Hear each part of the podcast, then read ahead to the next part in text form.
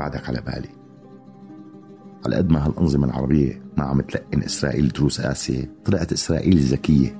يا أخي شو بدك بهالحكي؟ القساوة بتعلم. مو مثل حكاية إسرائيل عم تلقنا دروس ناعمة. مشان هيك طلعنا ناعمين. ولا تحكي هيك هلأ بيتهموك بوهن عزيمة الأمة والشعب والدولة. ودخلك عزيمة الأمة شو اليوم؟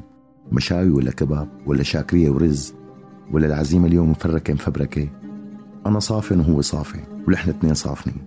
قلت له شبك صافي؟ قال قطعوا معاش ابني. ابني اللي راحت رجله كرمال البلد قطعوا معاشه.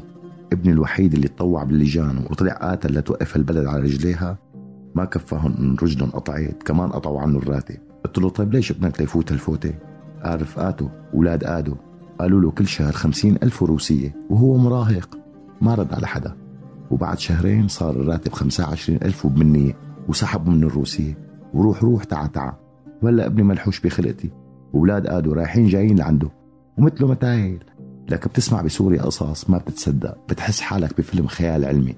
بعلمك لعبوا بعقل المراهقين ليحملوا السلاح بوش الإرهاب. وبعلمك يلي مات واللي انبترت أطرافه واللي انسحب من تحت البساط. وسحبوا كل شيء عباب جيابه وآخر شيء بتقول له ابنك ليش يفوت هالفوتة؟ بيقول لك صدق الإعلام وكذب الواقع. والواقع بإعلامنا العربي الممنهج إحنا دائما عم نلقن إسرائيل دروس قاسية بولادنا وبناتنا وبأرضنا وبأحلامنا وبأفكارنا. وإسرائيل أضعف من إنه تعمل هيك بشعبها. وبعدك على بالي.